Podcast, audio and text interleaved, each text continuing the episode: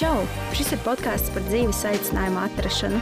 Ja arī tu maldies starp trim priedēm un nezini kļūt par fitnesa treneri, dizaineri vai lustīgāk šķiet kļūt par influenceri, klausies citu pieredzes stāstus par sava ceļa atrašanu un uzzini, kā viņiem ar to veicās. Noskaidrosim arī reālās profesijas aizkadrus. Sveiks, dārgo klausītāji! Patiesi prieks atkal būt kopā.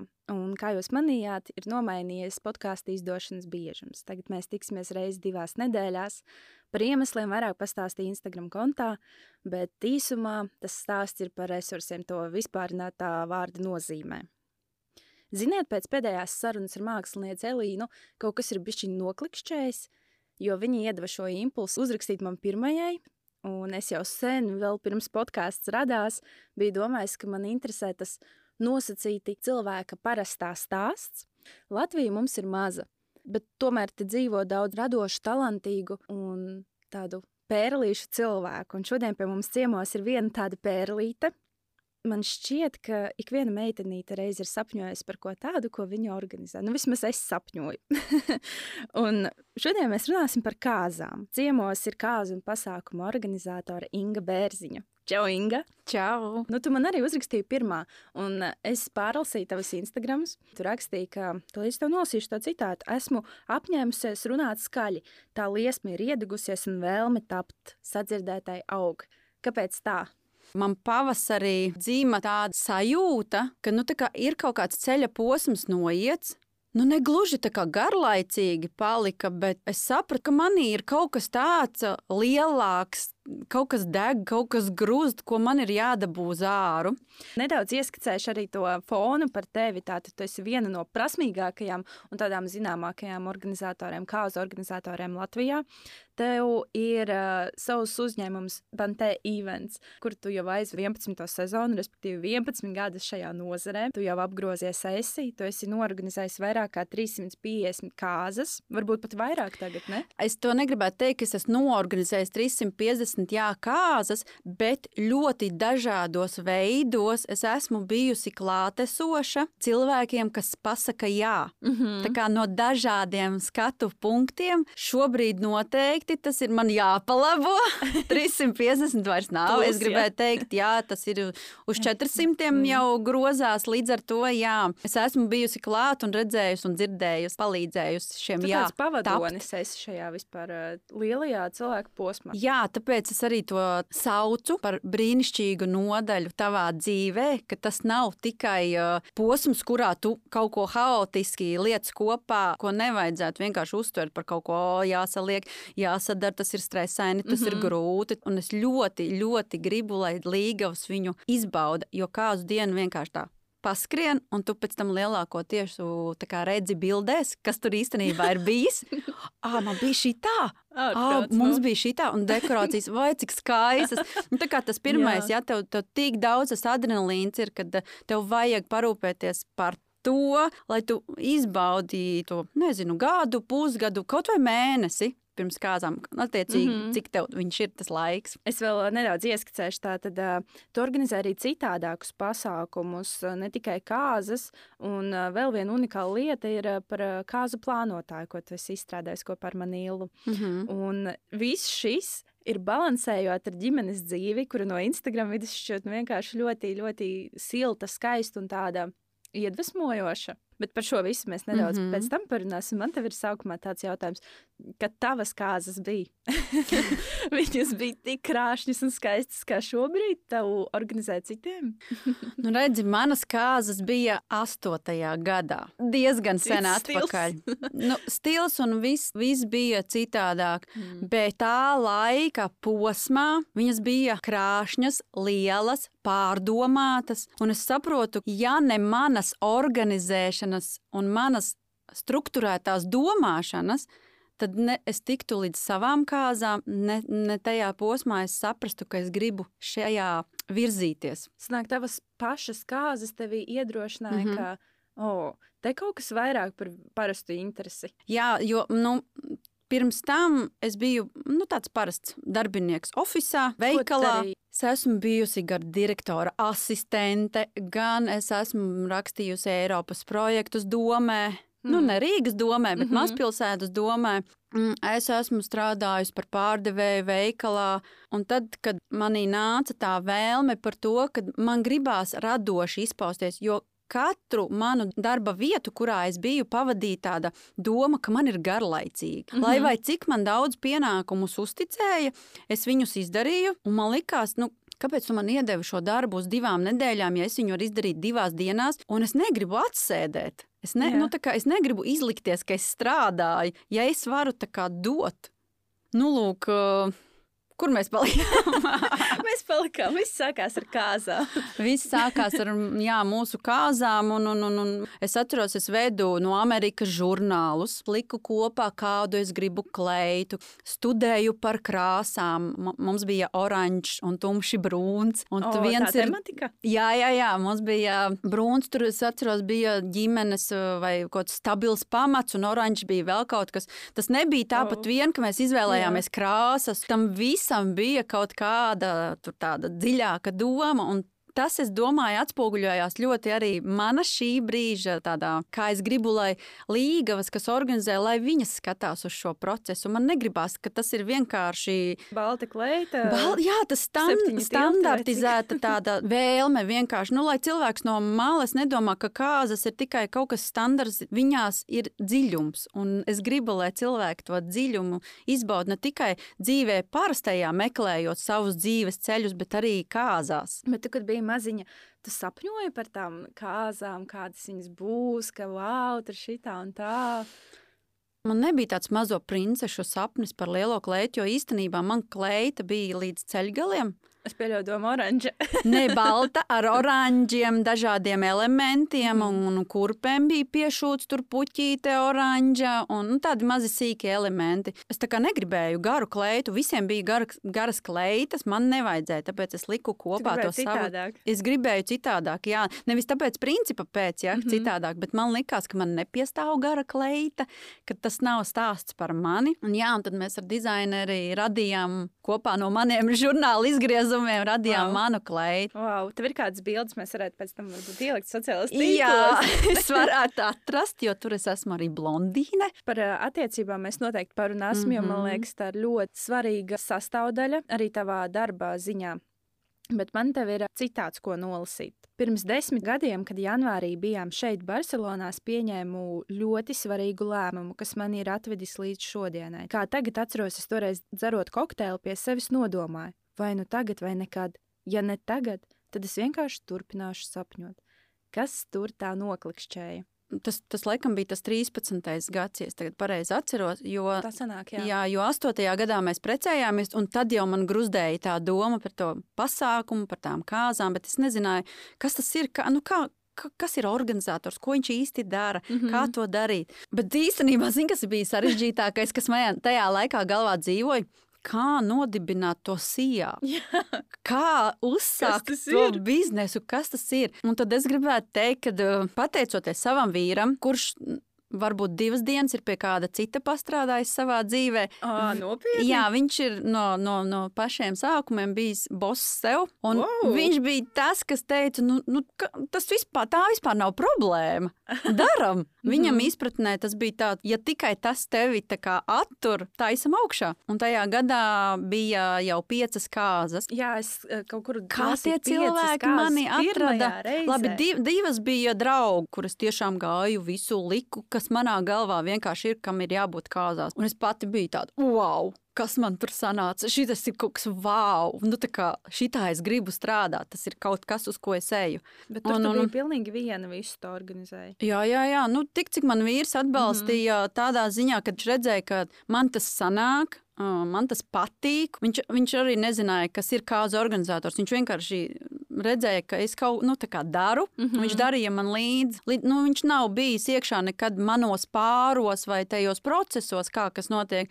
Bet viņš vienmēr ir mani atbalstījis no malas. Un, kā, ja man vajag tehniski palīdzēt, nu, kā es tagad smējos, kad uh, viņš brauc man arī uz kāzām līdzi, mm, es vienmēr saku visiem, man ir līdzi kvalitātes kontrole. Kā reiz kaut kur lasīju, ka jūs visu laiku esat kopā. Aha, Bet mēs līdz tam nonāksim. Par to kopā, kopā būšanu. Nespoilosim pirms tam. Uh, man liekas, šī gada 15. augustā arī tur rakstīja darbs, kas mani uzlādē, nevis izsmeļ. Līdz galam esmu atradusi savu vietu, savu misiju un pārliecību. Man, uh, zini, interesē tas kontrasts starp to, kas bija tas darbs tās sajūtas, tās uh, domas, kad tu sēdēji tajā oficiālā un tu jūties nepiepildīta, un mm -hmm. kontrasts ar šī brīža sajūtām. Man liekas, ka uh, Nu, tāpat ļoti patika tas, ko darīju. Es tiešām nu, tā, es varu apgalvot, ka es mīlu savu darbu, bet tāpat laikā es vienmēr paturēju prātā, ka mans darbs nedrīkst būt mans hobijs. Nu, man var patikt savs darbs, bet man ir jāatrod arī citi hobiji, jo darbs izdedzina jebkurā gadījumā, ja viņš kaut vai tev ļoti, ļoti patīk kaut kādā mērā es līdz tam nonācu, tad, kad man piedzima otrais bērns. Un, un man bija tā sajūta, ka es nezinu, kur lai es liekos, jo man liekas, ka es esmu izdarījusi visu. Skaidrs, ka pie maniem neatnāca visas Latvijas līgavas un visām es neuzorganizēju kāzas. Bet tās, kas atnāca pie manis, man liekas, ka es esmu iedevusi visu. Kas ir, kas ir tas vēl, ko es varētu iedot? Bija tā sajūta, ka man kaut kas plēš uz pusēm, un kad es nevarēju kā, saprast, nu, kas tas ir.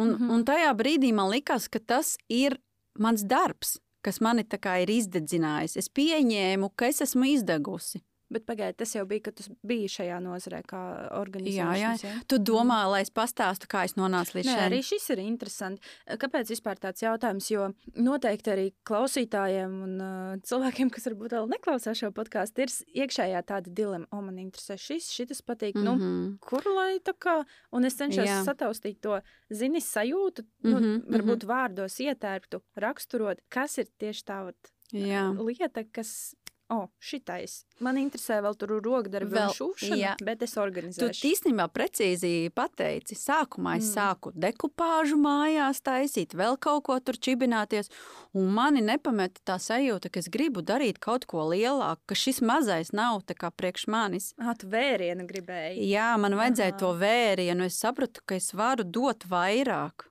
Man gribējās dot vairāk, es nevaru tikai čibināties ar kaut ko. Rokdarbu vispār nav priekš manis šobrīd. Bet tas mirklis, kad es sāku kā, nosaucu sevi par kāzu organizatoru un kā es pieņēmu šo profesija, teiksim tā, tas bija nenormāls risks. Nu, ta, ta, man neviens nepateica, ko dara kāzu organizators, kāda ir viņa loma. Tā bija mana izpratne par to, ko vajag līgavai. Mm -hmm. Sākumā es dekorēju, sākumā es diennaktīm negulēju. Man pirmajā vasarā bija 30 kāzas, ja nemaldos. Es vienkārši gāju kā traktors, nevienam nepateicu nē, jo man gribējās to vienkārši Pagaidiet, vienā ne, vasarā? Ne pirmajā vasarā, bet otrajā tas sanāk. Pirmajā man bija piecas, kad man vēl neviens tā kā nepazina. Un es vispār brīnos par tiem cilvēkiem, kas man uzticējās. Nu, kā, kā viņi vispār tevi Kā? Es nezinu. Goda vārds nezinu. Tie, tie pirmie divi tajā vasarā, jā, tās bija mans draudzenes, bet pārējie trīs es nezinu. Man līdz šai dienai nav skaidrs, bet paldies, nenormāls. Paldies viņiem par to. Jo šīs pēc šīm piecām kāzām es vienkārši dabūju to savu drāvu un sapratu, ka šis ir tas. Un tad man viens fotogrāfs pateica, trešajā sezonā, kas būs visgrūtākā, bet mm -hmm. uh, trešā sezona būs tā, kas tev iedos to izpratni, ko tu gribi. Es gaidīju to trešo sezonu. Nu, ļoti gaidīju. Un īstenībā tad pavērās tas mans rokraksts. Es sāku deliģēt. Es uzņēmos tikai eh, to organizēšanas daļu. Es nebiju vairs sagādnieks, es nebiju vairs uh, dekorators un florists un svecīšu Bet vadātājs. Pagaidi. Tajā otrajā gadā 30 kārtas. Nevaru, es, tas tā kā pagaidi. Nu, tā, es vienkārši vasaru neredzēju. Tas... Nedēļā noteikti bija divas. Ei, tu, to... Jā, kā? tu viena. Es nezinu, darīji? kā. Es, nu, Un tev bija bērns jau. Jā, jā, jā. Nu, ot, lūdzu, paskaidro, Godīgi sakot, es tev nemāku tagad to pateikt, kas manī bija iekšā, cik daudz manī bija adrenalīna vai, vai kas tur cits dzīvo. Es vienkārši zināju, ka man ir kaut kas jāsasniedz. Tu vispār gulēji tajā laikā? Nu, es saku, es naktī cēlos, man bija svarīgi, vai man nav atnācis ēpasts, es uz viņu naktī atbildēju. Tā es arī dzīvoju līdz, līdz, līdz kaut kādam brīdim. Bet tā iekšējā vēlme šo visu darīt bija lielāka par to jā. nogurumu un uh, jā. izdegšanu. Jā. Es nevienā brīdī neatzinu, ka es esmu nogurusi. Mm. Jo man likās, nu, ka es vienkārši daru, tāpēc, ka man patīk, un es daru. Bet realitāte bija tāda, ka katrs rudenis, nu, pirmie trīs gadi noteikti bija. Katrs rudenis es tā pie sevis nodomāju, ka būtu forša tāda rehabilitācija. Man tiešām vajadzēja salikt pa gabaliņiem. Atpakaļ. Nu, to es varu atzīt tagad. Sākumā es nu, to neatzinu. Sākumā es vienkārši močīju. Un tad uh, viss mainījās pēc tā trešā gada, kad tu saki, Nu, ne gluži mainījās, jā. bet tad, tad es sapratu, ko es gribu kā organizators darīt. Tad es neķēru visus amatus. Bet tad es sapratu, ka es varu dekoratoram dot viņa darbu un mm Mhm. -hmm. nedomāt par to, nu, tā kā uzticēties. Un tā es vācu kopā tos pakalpojumus, sniedzējus, testēju un veidoju savu tādu uzticamo komandu. Principā, jā, tajā trešajā gadā apmēram sapratu, kas es gribu būt un kāds kā veidojās mans rokraksts, ka es fokusējos reāli uz darbu ar pāri, mm -hmm. ka es nefokusējos uz visiem Mm, citiem pakalpojumiem. Mm mhm. -hmm. Tas man ļoti, ļoti arī patīk. Man tas vizuālais, es esmu vizuālais cilvēks, es esmu estēts, man patīk, lai tas izskatās labi, nevis ka tur vienkārši ir izdekorēts, bet arī dekorācijai, arī tam ir jābūt ar jēgu. Mm -hmm. Nevis vienkārši sakrāmētam kaut kam, tāpēc, ka tas ir modē, bet uh, visam manā skatījumā ir jēga jābūt jebkam, ko tu dari. Uh, tu rakstīji, es zinu, ka mana formula strādā. Kas bija tie lielākie fakapi, kas tev palika atmiņā?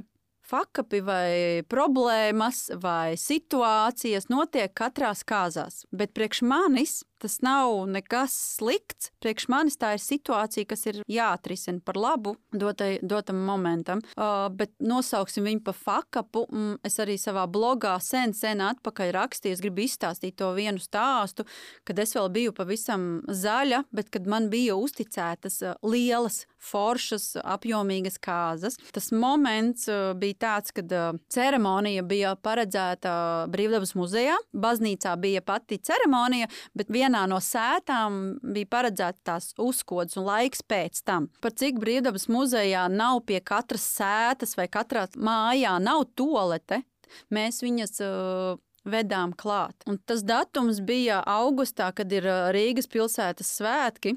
Mēs bijām rezervējuši nu, to toleti no, no ļoti sen, jau atpakaļ pusgadu. Un ik pa laikam es to informāciju pārbaudu, vai jūs atceraties, vai mums viss ir kārtībā un tā tālāk. Un tajā dienā, brīdī, kad es biju baznīcā, zvana asistente un saka, klausies, Inga, ne otrādi bija. Es biju tajā viesunamā, un viņa bija tur tajā ceremonijā. Viņai tā tolete bija jāsagaida. Nu, viņa man zvana stundu pirms tam, ka nav tā tolete. Mm, mm, jārisina situācija. Bedri jārūk. Jā, zvanu tam puisim, ar ko mēs esam vienojušies, tai kompānijai. Jā, viņš jūrā atpūšās šobrīd ar ģimeni, un, un tolete ir paredzēta 18. vai kurā tur septembrī. Man pilnīgi augsti sviedri. Mm. Citu tolešu īsti nav iespējams dabūt, jo Rīgā ir pilsētas svētki. Mm. Visas ir iznomātas, un tā konkrētā tolete šobrīd stāv rumbulā kaut kādā parkingā. Ņigu, ņēgu pa vidu, viss kaut kas. Situācija atrisinājām. Mm, Vīra draugs, kurš tajā brīdī arī bija ceļā ar ģimeni uz jūru, šo toleti rumbulā, jo viņam bija āķis, savāca. Un tas episkais skats, kad tur nāk viesi no ceremonijas, tur brauc tolete. Un viņa nedrīkst saskarties. nu, un tas bija tiešām sekundžu minūšu jautājums, ka tā tolete tur atbrauca un tie viesi pāri pa kalnu nāca. un Es redzu, ka tā situācija ir atrisināta. Tas puisis, kas brauc prom, kā tagad atceros, viņš man rāda. nu, tā kā, lai tev foršs pasākums, un, un, un, un es nenovēlu nevienai līga vai šāda tipa stresus, jo tas viņai sabojās turpmāko dienu. Viņām tas vēlāk atspoguļojās fotografijās, filmās mm. un tā tālāk. Jo viņa, viņas tā kā turpina risināt un domāt, kā tur varēja būt, kā nevarēja būt, vai kāpēc tas tur tā neizdevās. Jo iespējams tas, tā situācija nebūtu atrisinājusies nemaz. Tu kaut kur arī rakstīji, ka organizators ir apmēram pārfrāzēšu tavam mieram, ka viņš ir tas, kurš uztur mieru. Mm -hmm. Pēc tās situācijas es iedomājos, ka nemieris tur tevī pašā iekšā bija liels, nu, kā, ko darīt, ja? Uh, kas eh, varbūt ir tie līdzekļi, kas tev palīdzēja to mieru noformēt, un vai mm -hmm. tu Mhm. šobrīd arī katrās kāzās jau esi tāda, viss čīl, viss mm. -hmm. labi. Godīgi sakot, es nezinu. jā, Laiks, jo, jo jā. tā ir mana lielākā dāvana līgavām. Ja es kā organizators esmu, es viņām varu iedot to mieru, un to sajūtu es sevī esmu nostiprinājusi. Viņas pēc tā laika, es tā sākumā to neformulēju, kad jūs pie manis dabūsiet mieru. Bet laika gaitā katrā kāzās no līgavas sadzirdot to, ka, no, ka viņa no manis dabū mieru, es sapratu, ka tā ir tā atslēga, ar ko ir jāstrādā. Tā, tas ir mans tas viens no rokraksta iezīmēm, kad pie manis var dabūt mieru. Bet pirmos gadus tev bija tas uh, nemieris, vai, Nē. vai kad tev, vai tu visu laiku biji mierīga? Es jau es nesaku, ka es esmu mierīga. Es, uh, Savaldīga. es savācos, mm sakoncentrējos un es fokusējos to, uz to, ka mēs šobrīd situāciju atrisinām. Ar stresu tu radi stresu citos. Tiešām pirmajās reizēs tā nebija. Nē, man, nu, es vienmēr esmu kaut kā tā nokoncentrējusies uz kaut kādu to lietu, kas man ir jāatrisina. Var, jā, man pēc tam mm, bija veselības problēmas, es risināju, man sāpēja galva, mm, vēl kaut kas. Bet tajā brīdī es biju tikai fokusējusies to, ka man ir jāatrisina šī situācija, un ka šī situācija ir mana atbildība, un ka es esmu atbildīga savu pāru priekšā. Tu rakstīji arī, ka ticība sev, savu robežu noteikšana, savu vērtību apzināšanās atmaksājās. Bija laiks, kad sev neticēji. Nu, es pat teiktu, gadi četri atpakaļ, kad vēl joprojām. Man Mm. likās, ka bija cilvēki, kas mani slavēja. Nu, tas, tas laikam tas uh, viltvāržu sindroms ar mani vienmēr ir bijis. Un tikai nesen, godīgi sakot, varētu būt šī bija otrā sezona, kad es tiešām sev ticēju, kad es izdaru labi un kad es iedodu maksimumu. Agrāk es vienkārši darīju, tāpēc ka man likās, ka vien, nu, kā, nu es tā daru, un tas jau nav nekas īpašs. Un kāds man tur teica, wow, un tā, un šitā. Nu, jā, nu, pie sevis vienmēr nodomāju, ka var jau labāk. Bet tas laba vārds no cita ir tev svarīgs. Ļoti. Nevis tas, ka uh, tajā brīdī es apliecinos, bet tā kā es arī līgavām, šajos pēdējos mums ir tie līgavu vakari, es viņām saku, tie vārdi, ko jūs man pasakat pēc kāzām, man ir punktiņš uz i. Un tas punktiņš uz i ir tas līgavas labrīt. Viss bija forši, nu kaut vai. Mm. -hmm. Bet man tas iedod tādu, jā, nu tā kā ir.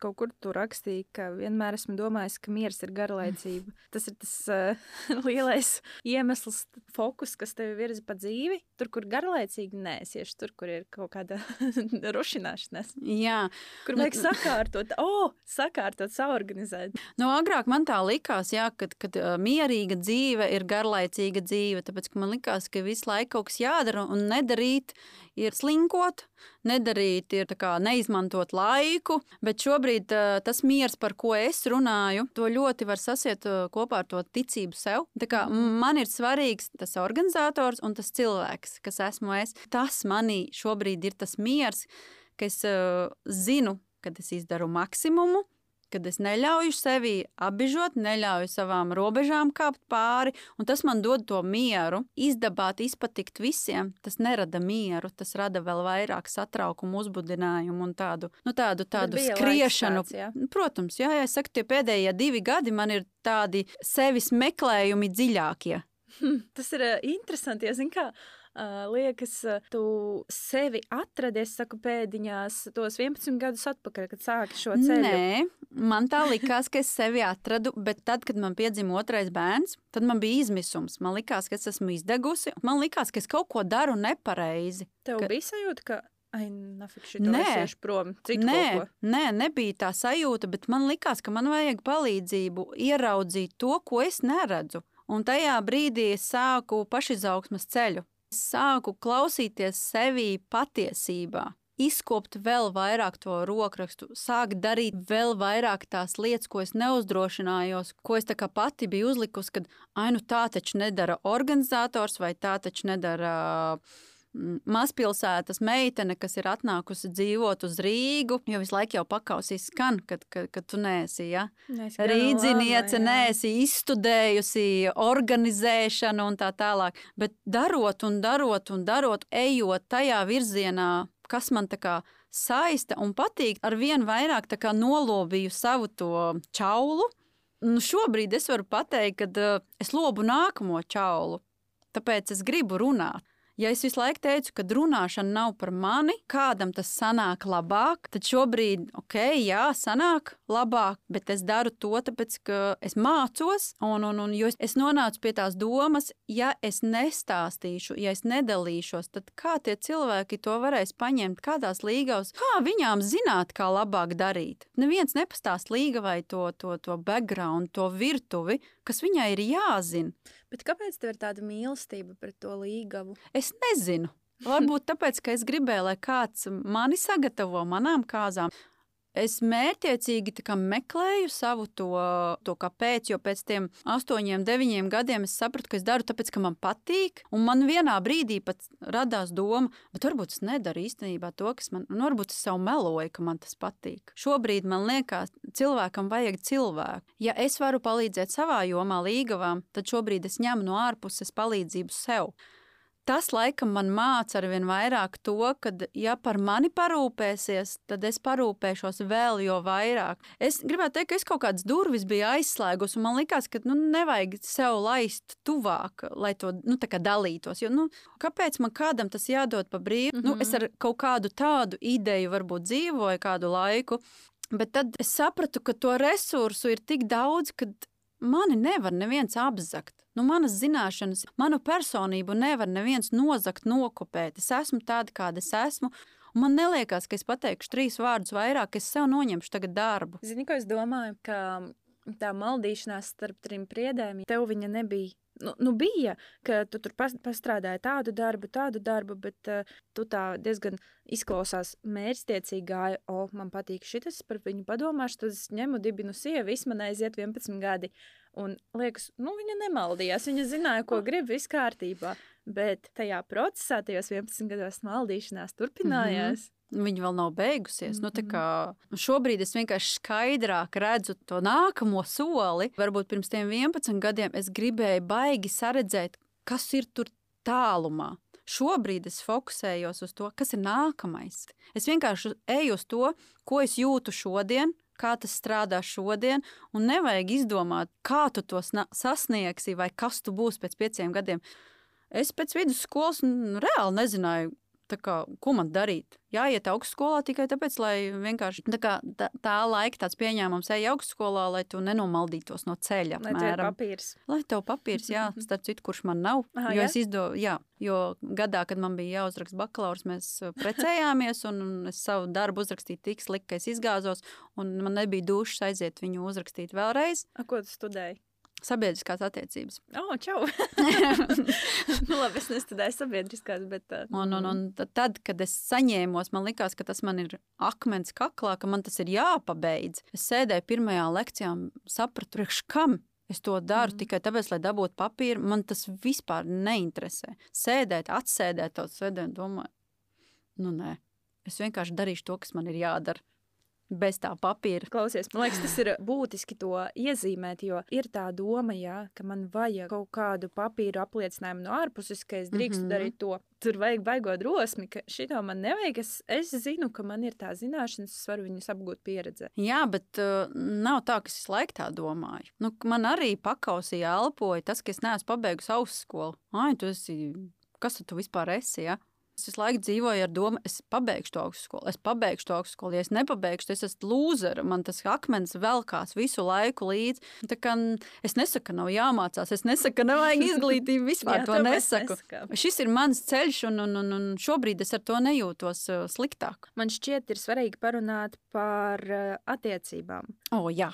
mm, jūs ar vīru jau esat kopā 21 gadus, pareizi? Jā pusi dzīves. Tas ir kā wow. Mm, nedēļu pirms manas 18.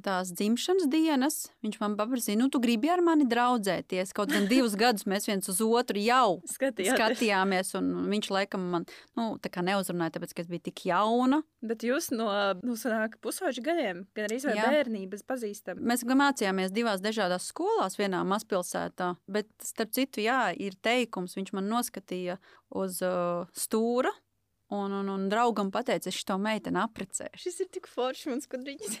Mm, zini, ir tā tendence, ka nu, kā iepazīstas gadu, divus padzīvo uzreiz, tā kā preces. Mm -hmm. Jums nebija tāds. Mēs stāsts. piecus gadus mm, bijām. Un īstenībā, jā, es neteiktu, ka mums bija baigā krīze, bet nu, kaut kas tur sašķobījās. Un es domāju, sašķobījās tāpēc, ka uh, es redzēju, ka riņķī visi apkārt šķirās. Es vienkārši dzīvoju ar domu, ka kaut kad jau tas notiks arī ar mums. Hmm. Tajā vasarā, kad uh, viņš mani bildināja, tās attiecības bija viņa kā pašķobījās, bet nu, tur nebija nekādu šķiršanās elementi vai vēl kaut kas. Kā, kā tik ilgi, kā, kas tur, kā? es nevaru pat jautājumu noformulēt, kas nu, notiek. Nu, es domāju, ka par ko es esmu vienmēr bijusi par vienlīdzību, par to, ka neviens nevienam nav zem tupeles, nav tas spiediens, ka tev tagad ir jādara tā, kā es gribu. Skaidrs, ka mēs tur stīvējamies un katrs grib savu taisnību panākt. Un tā komunikācija vienmēr sāpīgi, bet runā. Nu, šajos gados mēs esam trīs reizes viens uz otru nu, tā pacēluši balsi. Bet tas vēl bija pirms laulībām. Es tev nolasīšu citātu. Mums nebija randiņu tad, jo vienkārši sākām dzīvot kopā. Principā visu darīt kopā. Mm -hmm. Backstory šodienas tikšanai ir tāds, ka arī tas virs šodien bija līdzās tev. No kā rodas tas priekšstats, ja ka jūs tiešām esat tāds kodoliņš kopā, kopā. Liekas, ka visi ir kopā, kopā, cilvēki mēdz saplūst. Mm -hmm. Saproti, ja, par ko mm -hmm. es mhm. runāju. Mēs neesam brālis un māsas. Mums ir sievietes un vīriešu attiecības. Ja tu domā to, arī to, jā. Un uh, arī raugoties, es teicu, no Instagram, jau viss liekas tik skaisti, forši. Mm, Kā tev pašai šķiet, cik šī skaistās attiecības no ārpuses ja, spēlē kā bonusiņš tev kā pasākuma organizatorei, kā reiz kāzu? Ja? Mm -hmm. Ka tas ir tāds iedrošinājums līga vai ka tev arī sanāks? Zini, kā es vienmēr saku, nevienā dzīves jomā lietas nenotiek pašas par sevi. Ne organizēšanā, ne attiecībās. Pie viņām ir jāstrādā. Un šis rezultāts, ko varbūt cilvēki redz Instagram, tā, tas ir darba rezultāts. Mēs reāli strādājam pie mūsu attiecībām. Nav tā, ka mēs nestrīdamies. Ja? Bet uh, gan organizēšanā, gan attiecībā bez struktūras nekas nenotiks. Tā kā es vienmēr arī saku līgavām, ka neiedomājies, ka tās bildes un tie video radās paši no sevis. Tam visam ir vajadzīga stratēģija, tam visam ir vajadzīgs darbs. Gribu tos randiņus ar vīru, es sāku viņus organizēt. Es viņam saku, ejam, nu ejam. nu, kā, reāli ieliec kalendārā, ka tev no 8 līdz 9 rītā ir randiņš. Tā strādā mūsu attiecības. Mums ir Google kalendārs ģimenes. Ai, nopietni? Jā. Mums ir viss salikts. Viņš redz, ko daru es. Es redzu, ko dara viņš. Mums ir bērnu kalendāris. Nu, kā, mm -hmm. mēs, mēs saprotam, skatoties kalendārā, kad es varu organizēt tikšanos, kad viņš. Jums tā organizēšana arī uz ģimenes dzīvi pārāk. Jā, es gribētu teikt, ka mana organizēšana ir visa pamatā. Mm, nedaudz pieskarsimies tavām lietām, ko tu organizē. Mm -hmm. Tātad to zina tikai tavs coach, un tagad zinu es. Tātad tu vēlēsies izveidot kaut ko ļoti unikālu, kā Latvijā pagaidām nav. Tā ir līgavu skola. Jā. Tas, tas ir pakalpojums, vairāku mēnešu projekts, ja es tā mm -hmm. zīmēju savā prātā, kur līgavas, kuras vēlas pašas organizēt, viņas nāk, apgūt tās iemaņas, iegūt kontaktus, lai pašas pēc tam uzbūrtu to savu īpašo dienu, īpašo pasākumu. Ja? Manā prātā tas ir nedaudz savādāk. Es gribu radīt produktu, ko līgava var iegādāties neskatoties uz to, cik ilgs laiks ir viņai līdz kāzām. Viņa šo intensīvu var noklausīties mēnešu garumā, viņa šo var darīt vienas nakts laikā, iespējams. Bet tā doma ir tāda, ka viņai ir viss pamats.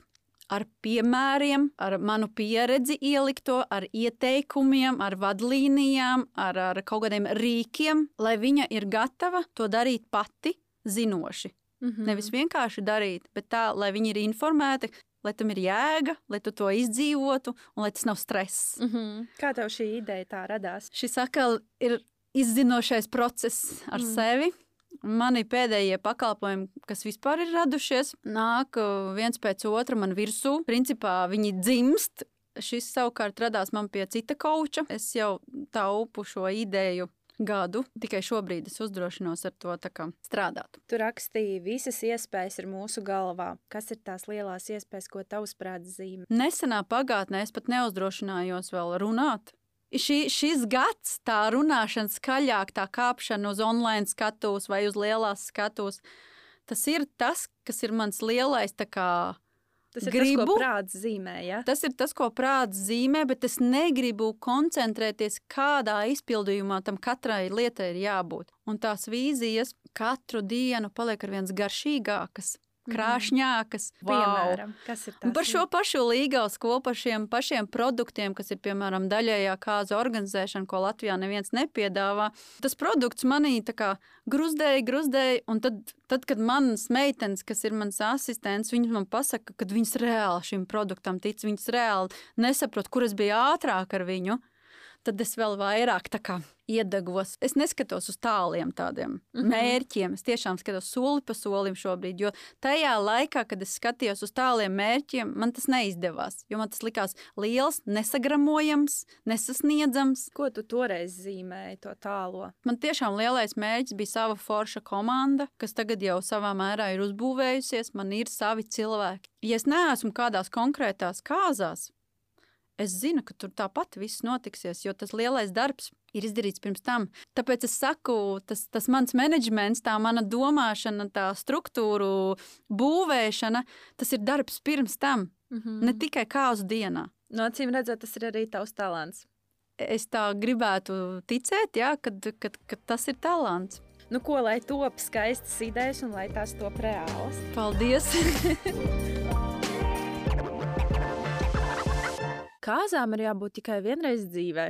Tā gribētu domāt, jebkurš, kurš tajā brīdī plāno kāzas. Es arī tā gribu. Cik reāla ir tā situācija? Pieņemsim, pie tevis ir nācis kāds, kurš vienreiz jau bija izveidojis kāzu, tad viņš atgriežas vēlreiz ar Tā citām. kā tieši tas pats cilvēks atnāk otrais pie manis? Jā, Nē, o, šis ir labs rādītājs. nē.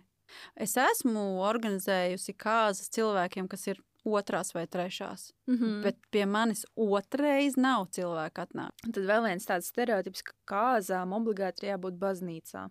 Es gribētu teikt, tā, ka daudzas vai daudzi domā, ka ir skaisti precēties baznīcā, bet neizprot vispār to jēgu. Bet citreiz, jā, baznīcu cilvēks uztver tikai kā skaistu vietu bildēm vai, vai kaut kādu apliecinājumu tam, ka tu esi.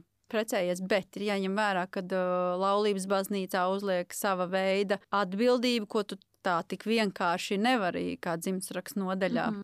Paraksties un viss beidzās. Ja? Ja tagad tā procentuāli mēģināt pateikt baznīca un, nu, nezinu, kaut kur citur dzimtrakstu Mhm. nodaļā, dabā, kā tas uh, Redzi, tos procentus tagad ir grūti tev pateikt, tur vai tur, jo ir vairākas versijas. Ir baznīcā mācītājs, ir mācītājs ārpus baznīcas, ir dzimtsraksts nodaļa, dzimtsraksts nodaļā, mm -hmm. ir Mhm. dzimtsraksts nodaļa ārpusē. mm -hmm. Ir juridiski parakstīt dokumentus un, un ceremoniju brīvā dabā tev var novadīt da jebkurš. Nu, tā kā procents, es teiktu, ka ir tāds miksiņš, man, nu, es savu rokrakstu ielieku jebkurā virzienā. Man nav svarīgi, lai viņš vadītos pēc tā, kas tā kā patīk man, vai kā man ir pieņemama. Es pat esmu precējusies baznīcā, un vēl pareizticīgo baznīcā, kas daudziem liekas kaut kas Mm -hmm. kāds sakars tev ar pareizticīgo baznīcu. Ja? Jo es esmu dzirdējis, ka par mani arī runā, kā viņai izdodas tiem pāriem kā, iepārdot šito. Nu, kā pierunāt viņus darīt šitā. Nē, es nevienu nepierunāju. Ir arī tādas ļoti kontrastēnas domas, ka vai nu viens grāvis, ka norganizēt kāzas ir pupu mīzes tik vienkārši, nu, ko es tur ņemšu papildus savu cilvēku organizatoru, kurš man palīdzēs to visu. Mm -hmm. Vai ir otrs, ka tas ir tik ārprātīgi grūti, tas ir anormāls darbs. Pastāstiet, kas, Mm, ir- kas ir tā īstenība, uz kuru puses lietas mēs. Īstenība nav neviena, ne otra. Mm, īstenība ir tajā, kā tu pats uz to skaties. Es nekad nevaru zināt, cik organizēta vai ar ko nodarbojās līgava ikdienā. Nu, piemēram, man ir bijusi līgava, kas pati ir organizatora, bet viņi neorganizē kāzas. Bet viņa mani paņem kā organizatoru, jo viņi saprot, kas tas ir par mega darbu.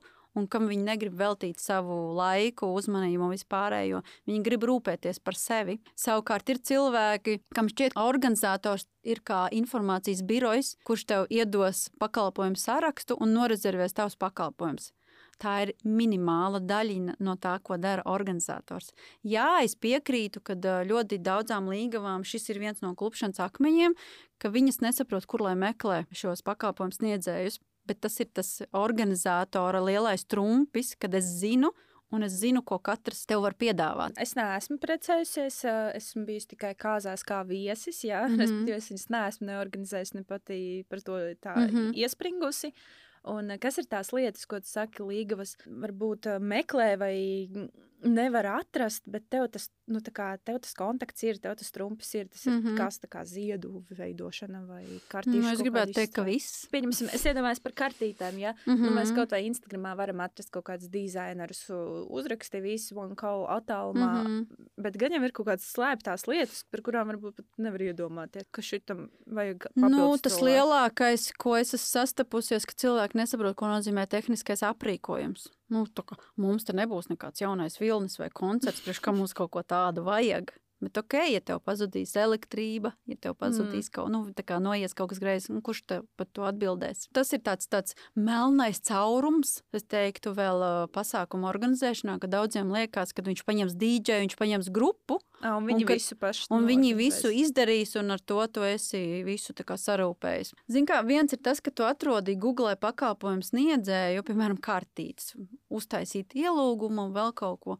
Viss ir forši, bet tad, kad tev ir jāsāk iedziļināties, vai tu gribi digitālo druku, sietspiedi, vai tu gribi dizaina papīru, rokas lējumu papīru, vai to un šito un to un tā, un papīra biezums un tā tālāk. Un tad līgos sēž tāds acis iepleš. Skaidrs, es arī neesmu profesionāla dizainere, kas zina nianses, bet man ir cilvēks, kas man divu minūšu laikā šito izstāstīs. Kāda ir tā starpība starp to, ko cilvēks paņemot organizatoru, piemēram, par šīm pašām kartītēm, es atradīšu atbildi, es tev uztaisīšu kopsavilkumu un es tev pastāstīšu. Mm -hmm. Un tu izvēlēsies. Bet, ja tu to darīsi pati, nu, tad tev tas varbūt paņems ilgāku laiku. Mm -hmm. Es nesaku, ka cilvēki nemāku organizēt. Es... Bet tas ir diezgan pamatīgs. Tas ir laikietilpīgs darbs, un tam ir jā, mm -hmm. ņemot vērā, ka lielākoties cilvēki strādā un ka bieži vien viņi uztver kāzu organizēšanu kā ārpus darba izklaidi, tad es gribētu teikt, ka man kāzu organizēšana nav izklaide, un es to daru savā darba laikā. Kas ir tie, tās lietas, kas notiek jūsu backstage, tās lietas, ko dara kāza organizētājs, ko mēs neredzam? Jā? Jo Instagramā redzam, ka viss skaisti uzklāts galds, nofočēts. Nu, es cenšos sajūtas. parādīt īstenībā pēdējā laikā, kāds no manas mhm. prizmas izskatās. Un, un, un, tur ir forši, bet priekš manis forši. Tas, kas notiek aiz tām durvīm, tas, ko līgavas vai viesi neredz, ir uh, sadzīve Principā, kā mēs, nu, nu, tas pats fotogrāfs, viņš ir principā no 10. rītā līdz 12. vakarā pasākumā piesaistīts. Nu, viņam kādā brīdī vajag saliekt muguru, paēst, un par to ir jādomā. Tā ir otra puse, par ko daudzi vienkārši nepadomā, cilvēcīgi neaizdomājās, ka tev tie 15 cilvēki, kas vis, nu, plus mīnus mm. kāzās stāvs ir 15 cilvēki, mm, ka par viņiem arī ir jāparūpējas, un ka tie cilvēki, lai rūpētos par tevi, Viņiem ir jārada vide, kurā viņiem būt. Un, un, un ja citreiz Līgavs domā, ka vakar vadītāja fotogrāfu vēl kādu ir jāpiesēdina pie galda, lūdzu, nedariet to. Cilvēkiem gribās ievilkt elpu, paēst, mm. normāli paēst, nevis ar taisnu muguru, nu tā kā atslābt. Un tad mm. viņš nāk pie tevis atkal savācies, un tu redzi tas, kas tev ir jāredz. Nu, tā, okay, tā kā... Kas vēl ir tās lietas, jo skaties, es esmu bijusi klāt kāzu dekorēšanā. Mm -hmm. Un, uh, līdz ar to man varbūt ir tas priekšstats, ka patiesībā tev vēl visas tās kastes mm. mantām ir jāiekrauj mašīnā. Tas pats no sevis šitā pēc klikšķa tur jā. neuztaisās kaut kādas ziedu kompozīcijas, tās arī neuztup, netop mm -hmm. vienā sekundē. Un svecīts mašīna arī nesakāp un neaizbrauc uz viesu jā, tikai smējos nu, parasti. Es nezinu, tur iepriekš sazvanīties kaut ko, nu tādas sīkas lietiņas mm -hmm. vienkārši, lai, ja cilvēks tagad klausās un domā, jā, man patīk organizēt, vai es būtu gatavs kļūt par kādu organizāciju Starp citu, man šovasar bija viena meitene praksē, nu, praksē tīri vienās kāzās, un viņa pateica, ka tas nebija vispār tas, kā viņa bija iedomājusies, un kad viņa nekad šajā jomā nestrādās. Nu, tā kā viņi bija iedomājusies, tā kā amerikāņu filmās tas viss notiek. Kāzu organizēšana, kāzu dekorēšana, skaists un sievišķīgs ir rezultāts. Bet tas, kas tur ir apakšā, tas ir darbs, tas ir uh, daudzu stundu darbs kaut vai tā pati dekorēšana vai tehniskais aprīkojums, viņi plāno kādu laiku pirms, kā tas izskatīsies. Tad iepriekšējā naktī tiek krāmēts buss, vai vairāki. Tad tas not, viss tiek aizvests uz svinību vietu, vēl loģistiski izdomāts, kur ceremonija, kur viss pārējais tiek izlikts. Tad, kad beidzās ballīte, tad tas viss tiek novākts. Par savu darbu es varētu druskuļi savādāk pateikt. Mans darbs lielākais ir pirms tam, kāzu dienā, es šobrīd, kā kāzu organizators, es tiešām esmu atslābusi un izbaudu. Jo man ir komanda, kas darbojas, un es vienkārši ar savu ērgļu aci skatos Nu, un jā, vērtēju un, un sistēma, baudu jā. to, to foršo sajūtu, ka es varu nodot uh, savu kolēģu profesionālo rokās to, ko es esmu pārim apsolīju. Uh, kas ir tā minimālā summa, kas ir nepieciešama, lai vienkārši uzorganizētu kāzas? Nu, tas atkarīgs no viesu nu, skaita. Desmit cilvēki. Tas ir ar vai bez organizatora? Ar. Iesim ar. Mm -hmm. nu, Es varu droši vien atskatīties uz pagājušās vasaras kāzām, kur bija 12 cilvēki. Viņiem sākotnēji bija konkrētāks budžets, pēc tam izplūda bišķiņu vairāk, gan cilvēku skaits tur pienāca kaut kas bišķiņu klāt, gan tās vēlmes. Ja es nemaldos, viņi gribēja iekļauties piecos vai sešos tūkstošos, bet ņemot vērā kaut kādas vēlmes, man liekas, tie bija deviņi. Kas ir tāds uh, lielākais budžets, ar ko tu esi strādājis, operējusi, veidojot tieši konkrēti kāzas? Nu, tas ir trīs ciparu skaitlis, tie ir pār pa simts tūkstošiem, bet tā kā es vienmēr arī gribu atgādināt, ka, uh, piemēram, simts tūkstošus var iztērēt dažādi. Tu vari dzert dārgāku šampanieti, vai tu vari uzaicināt vairāk cilvēkus, vai tu vari smalkas detaļas izvēlēties. Var labas kāzas uztaisīt, nezinu, 20, 30 tūkstošos. Nu, tādas, mm -hmm. kad skaties, un tādas var tieši tāpat iztērēt 100 tūkstoši un likties, ka vēl ir pa maz. Tas viss mm -hmm. ir mhm. ļoti, ļoti atkarīgs no tavām vēlmēm un arī no tavas ikdienas. Ka, kas ir, re, ka tu nopelni naudu, mm -hmm. kas ir mhm. tā realitāte, kur patiesībā aiziet tā lielākā daļa no tavā pusē? Tie ir dekori, tās ir algas, tās mm -mm. ir nodokļi. uh, nē, uh, es pelnu konkrētu summu. Neatkarīgi ah. no tā, cik viss pārējais maksā. Okay, Man ir konkrēta pakalpojumu cena, kuru tu zini. Un tu viņu maksā. Sanāk, šajās summās, ko tu sauc, tur nosacīti 10, 000, 100 tūkstoši, tie tur nav ietverta tava pakalpojuma cena. Tas ir nu, to mēs parasti individuāli. Jā, mm. es gribētu teikt tā, jā. Mm -hmm. To okay. mēs individuāli izrunājam, kas ietilpst. Es parasti, kad līgavām saku, kad sāku plānot budžetu, nu, lai man pasaka aptuveno, kāds ir tas provizoriskais, bet es nerēķinu iekšā sākotnēji vismaz gradzenus un tērpus, jo citai līgavai tas izmaksās 300, citai 3000. Kā vat ir? Es tagad esmu tava kliente, tava, uh, esmu to pašo līgavaina. Līgava. Līgava. Jā. Tas ir līga vainis. Jā. jā. Nu, tā tad man vēl vajag grāmatas palasīt. Nav tāds grāmatas. Gan jau, ka ir. Iešu uz tavu līgavu skolu. Ja? Jā, bet būs līgava. esmu tava līgava. Man saka, ka esmu tava kliente. Es tev parādu reku bildīte, te viss ļoti skaisti kā no Pinteresta. Mans budžets ir 5000. Dari, ko gribi, bet pie vēl neizdari, ko es gribu. Nu, tā, tā jau tas gluži tev? nenotiek. Es nemēdzu ļaut dzīvot uh, ilūzijās. Tāpēc ir ļoti, ļoti, lai vai cik tas tā kā latviešiem ir tāds kaut kāds tāds baiļu faktors, atklāt reizēm to budžetu, bet tas ir tik nenormāli svarīgi, ja tu nāc pie manis un man ir jāzina tavs budžets, vismaz tavs plānotais, kam tu neplāno pārkāpt pāri, jo pretējā gadījumā tas ir ļoti daudz liekas izdarīts darbs. Tajā mm. brīdī, kad uh, man līgavēns saka, nē, nē, mums nav budžets, visu, ko gribu, daram, plānojam, un tad, kad tu iedod tos ciparus, tad tad viņš apsēžas, nē, nu šī tik daudz es nebiju plānojis. Bet tad pasaki, cik? Aptuveni tu esi plānojis, lai es tev varu piedāvāt no tā plauktiņa vai no tā plauktiņa. Mm -hmm. Un, man jau arī ir uh, pa kategorijām, es saprotu, kādā budžetā ietilps šis vai šo mēs izslēdzam. Ja pieņemsim, uh, re, ko es atnāku ar pieciem tūkstošiem, maksimums tur līdz septiņiem varam pacelt uh, to plaknīti. Mm -hmm. Kas ir tas, kur var noekonomēt? Nu, droši vien sāksim ar to, ka es tev ieteikšu ņemt daļējo kāzu organizēšanu, nevis pilno, jo attiecīgi pret to budžetu, kā bāzu organizēšana tev būs kā sloks, tad tas ir tikai mans ieteikums. Izvēle, protams, ir tava, kas arī ir bijis īstenībā dažreiz tā, ka tomēr izdomā, lai vai cik tas organizators maksā un lai vai cik ir mans budžets, man vajag to organizatoru. Mm -hmm. Uz ko mēs varam ietaupīt?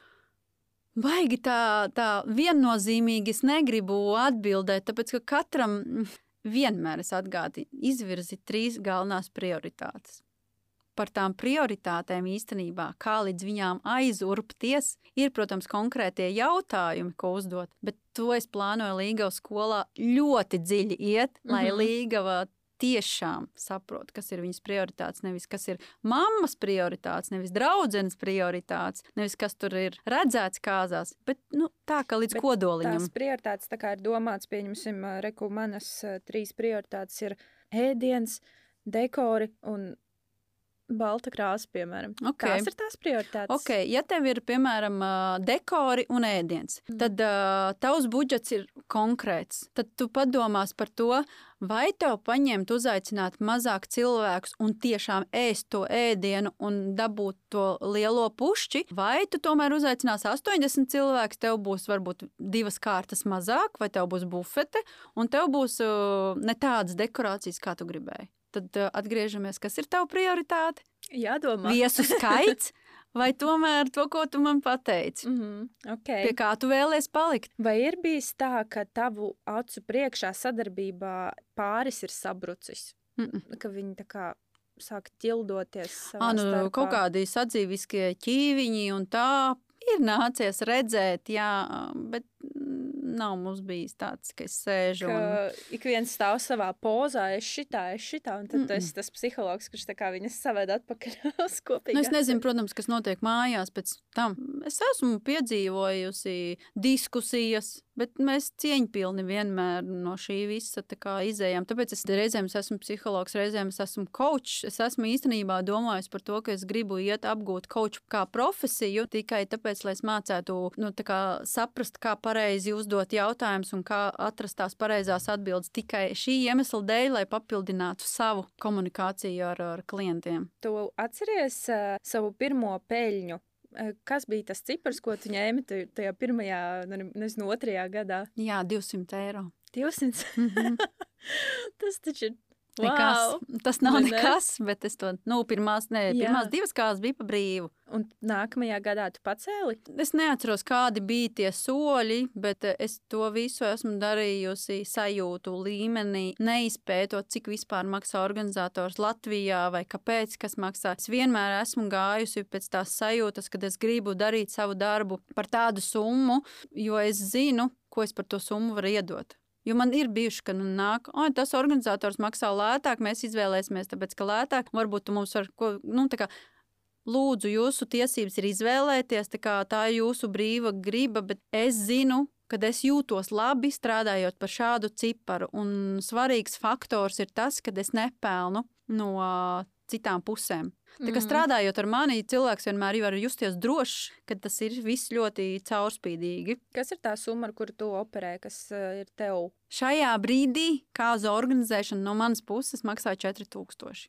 Pieņemsim, sadarbībā ar tevi, ja nu kāzas plāno vispār cik ilgu laiku pirms ir ok. Nu, ir kas plāno, mēs jau tagad plānojam nākamo vasaras beigas, nu, kā gadu mm. vairāk uz priekšu. Mm. Ir kas vai manis atnāk divus mēnešus, trīs mēnešus. Es esmu kāzas organizējis arī 12 dienās, un nav tā, ka tās ir kaut kādas vakariņas. Tās Jā. ir reālas, pilnvērtīgas kāzas ar vadītāju, ar grupu, ar scenāriju. Nu, viss, viss. Tas, kā, tas bija tāds sos variants. Ja, tas nu. bija tāds sos variants. Ja, ja nebūtu manas pieredzes, manas komandas, komandas kontaktu un vispārējo, nu, tas, tas ir iespējams, bet tas nav iespējams tādā vien, vienkāršā formātā, kā es to mm. tev varu iedot. Kāda ir tā realitāte? Reku, pieņemsim, nezinu, organizējām gadu, jā, mm -hmm. kāzas. Tā summa, šie 4000, viņi kaut kā ik mēnesi tev tiek maksāti, vai uzreiz visu summu, vai uz kāzu beigām? Puse mm. sākumā mm. puse pirms kāzām. Vai ir bijis tā arī, ka visa sadarbība notiek, bet nevar tev apmaksāt, un ka tev mm, nāks tā? Īsti nē.